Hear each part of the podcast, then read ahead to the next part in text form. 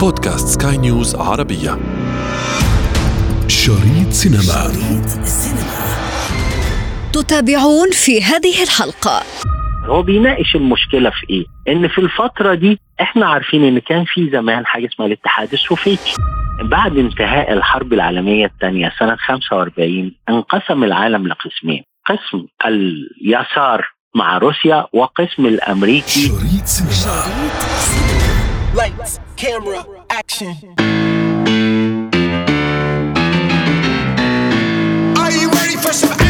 بين الروس والغرب حروب فانية غير مهلنة. من قديم الزمان وثقتها السينما في أعمال سطرها التاريخ روائع من الدراما العسكرية والحرب الإيديولوجية الفنية الباردة. أنا ابتسام العكريمي وهذه حلقة جديدة من بودكاست شريط سينما على سكاي نيوز عربية. لا تفوتوا الأمر.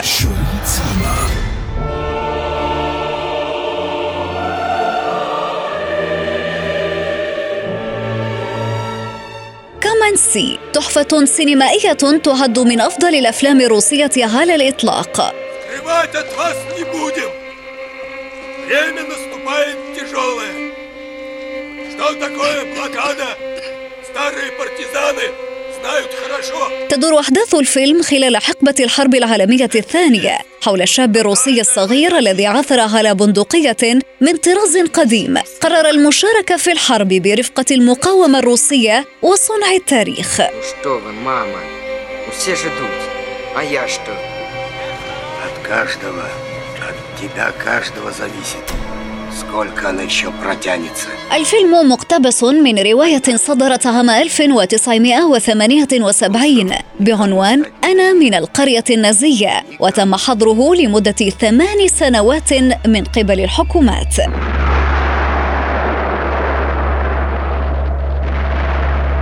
Что? Тут задержали одного.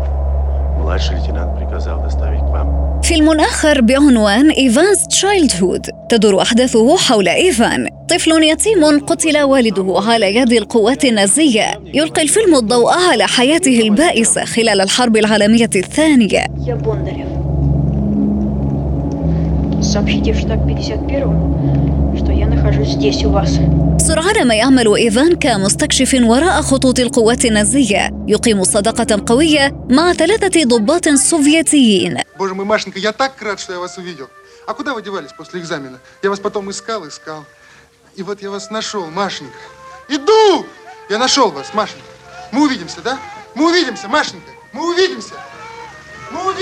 الفيلم بمثابة تحفة سينمائية درامية حربية. إنه أول أعمال المخرج العبقري أندري تاركوفسكي وهو الآن من أعظم الأفلام السوفيتية في السينما العالمية على الإطلاق حسب النقاد. فقد فاز بجائزة الأسد الذهبي في مهرجان البندقية السينمائي عام 1962 ناهيك عن جائزة البوابة الذهبية في مهرجان سان فرانسيسكو في العام ذاته.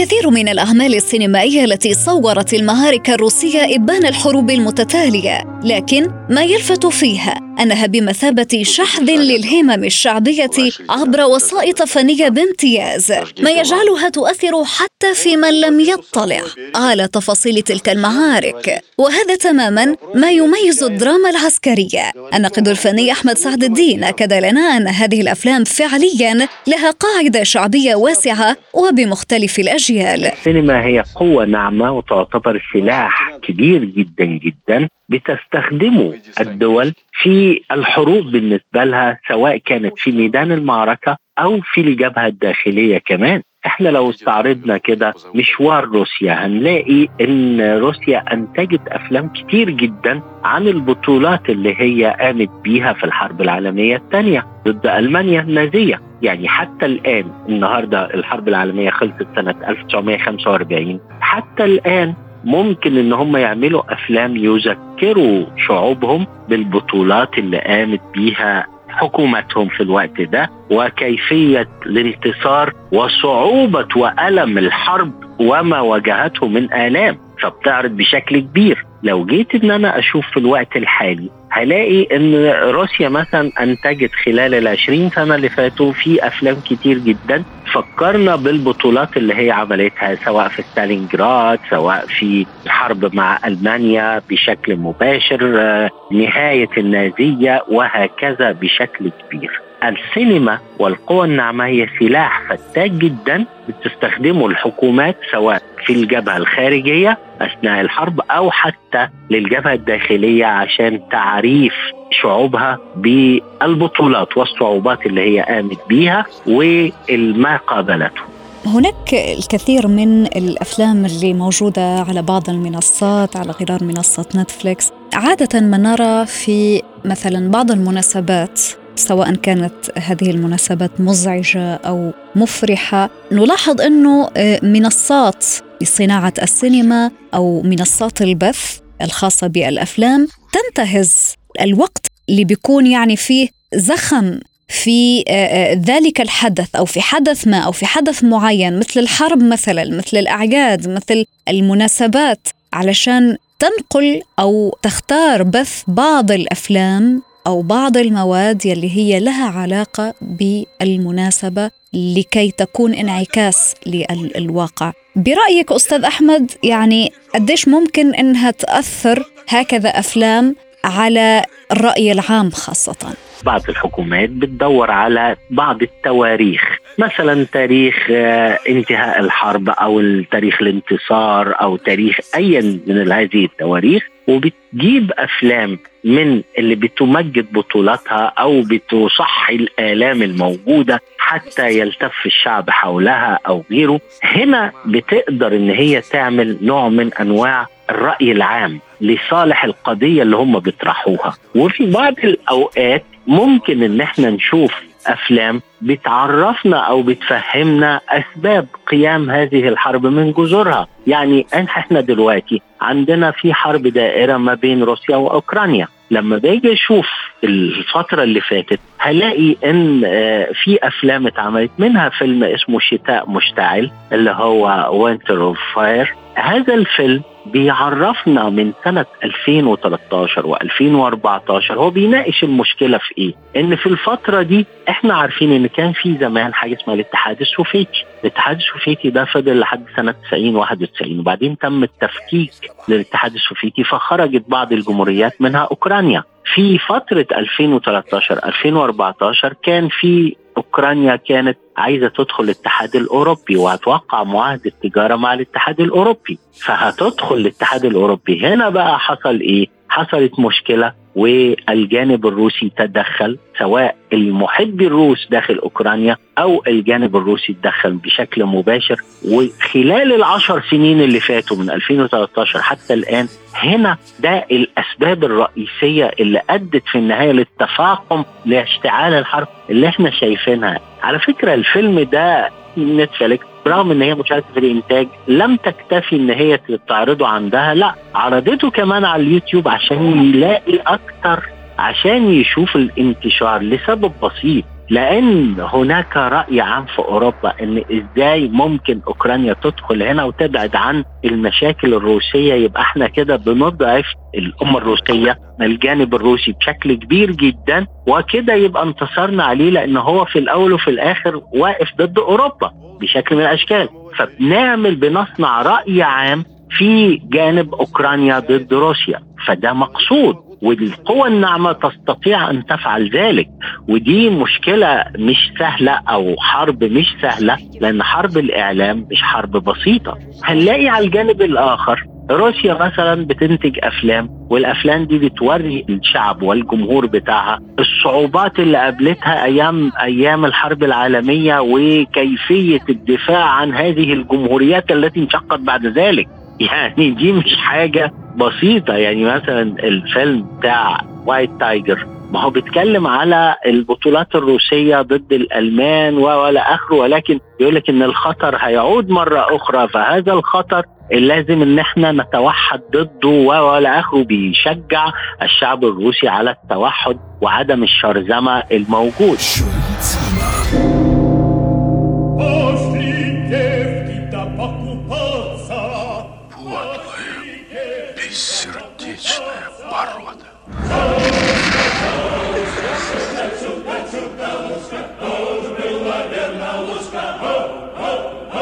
الحرب بين الروس والغرب لم تبدأ من الآن. لم تشتعل فتيلتها من خلال انطلاق العمليات العسكرية في أوكرانيا. أبدا. الحرب بين الروس والغرب سواء تحدثنا عن أوروبا بشكل عام أو الولايات المتحدة بشكل خاص مرت بأطوار كثيرة. لعل من أبرزها الحرب الناعمة والمتبادلة عبر الإنتاجات الفنية سواء كانت أفلام الدراما العسكرية أو حتى الوثائقية. и составляют силу, то людям честным надо сделать только то же самое. Ведь как просто.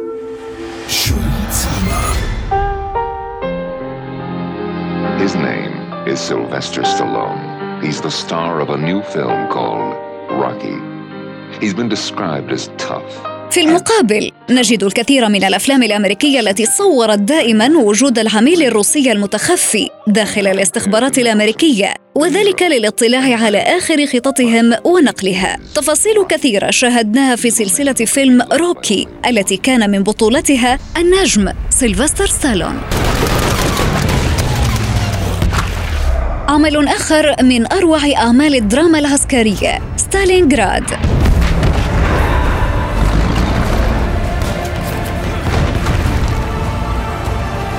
الجنود الألمان يحصلون على إجازة في إيطاليا بعد مهمات في شمال أفريقيا للحرب على قوات التحالف. لقد تلقوا نداءات من الرايخ الثالث بإيطاليا. إنهم يطلبون منهم الذهاب إلى شرق أوروبا للقضاء على الجيش الروسي. القصة عن معاناة الجنود الألمان من ضربات قاسية وزرع الرعب في قلوب الجنود الألمان إلى حين استسلامهم. بعد انتهاء الحرب العالمية الثانية سنة 45 انقسم العالم لقسمين. قسم اليسار مع روسيا وقسم الأمريكي وأوروبا معظمها مع أمريكا. وأصبحت أمريكا لأنها تمتلك هوليوود وهوليوود ده سلاح فتاك جدا جدا. فكانت بتعمل أفلام تخلي الشباب عندها يشوف إن روسيا دي خطر وشيء كريه وصعوبة جاية لها. يعني أبسط شيء حضرتك تكلمي على بعض الأفلام. طب أنا هفكرك بفيلم ممكن يكون فيلم أكشن بعيد تماما. ومع ذلك دخلوا روسيا فيه. في سلسلة أفلام روكي لسلفستر ستالون. تلاقي إن روكي عشان في روكي four تقريبا عشان يفوز جابوا له مين بقى؟ قدامه لاعب روسي واللاعب الروسي ده بيتم تهديده من الحكومة الروسية ويديله حقن ويديله مش عارف أدوية ويديله منشطات عشان يغلب الجانب الأمريكي. وهنا بيوريك الديمقراطية فين والديكتاتورية فين؟ وشيطنة الجانب الآخر بشكل كبير جدا برغم إن الفيلم فيلم أكشن بسيط جميل ولكن هو حط السم في العسل. هنا دي وجهة النظر الامريكي ضد روسيا. هلاقي إن في روسيا كمان ما هي برضو عندها الأفلام بتاعتها لابد إن يكون الجانب المشيطن فيها أو الجانب السيء فيها هو الجانب الغربي سواء كانت أمريكا أو أوروبا. بس كانت أمريكا هي الصدارة الأساسية وهكذا. الحرب مش معناها ميدان القتال فقط. ميدان القتال لا يستغرق وقت طويل قد يستغرق أيام أو حتى على الحرب العالمية قعدت ست سنوات. لكن باقي الستين سنة والسبعين سنة أصبحت الحرب هنا عن طريق القوة الناعمة وشيطنة الآخر وزرع الكره في الأطفال والشباب ضد الإيه؟ المعتدي الآخر. ودي المشكلة اللي إحنا بنشوفها لحد دلوقتي. يعني مثلا ما بين روسيا وأوكرانيا كان في أيام الاتحاد السوفيتي سنة 87 مفاعل شارنوبل اللي هو اتفجر. حصل فيه تفجير أو حصل فيه مشكلة. اتعمل فيلم بوجهة نظر غربية فهنا بيقول لك إيه؟ بيقول لك إزاي بقى هم عاملين التلوث والمش عارف إيه اللي ممكن يدمر العالم على أرض أوكرانيا وهكذا. هو هنا بيضرب في روسيا. في سبيل إن أنا لو رحت أمريكا طب ما أمريكا هي بتعمل نفس الحكاية في القنبلة النووية والذرية والمفاعلات وإلى آخره. عند يا ما حصل. وأبولو مش فاكر 12 باين اللي اتفجر أيام آه ريجن. وهكذا. اذا هي المشكلة الأساسية أن الحرب الدائرة مش في ميدان القتال ولكن عن طريق القوى الناعمة أكثر.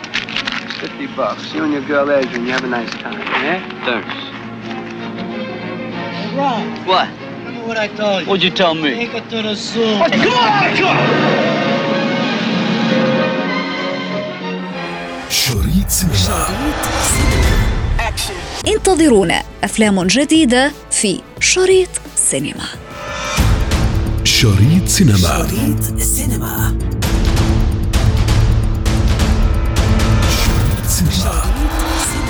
وفي ختام حلقتنا نذكركم بمتابعتنا والاستماع لنا عبر منصة البودكاست لسكاي نيوز عربية وباقي منصات البودكاست الأخرى. كنت معكم في الإعداد والتقديم أنا ابتسام العكريمي وكان في الإخراج نويل بولس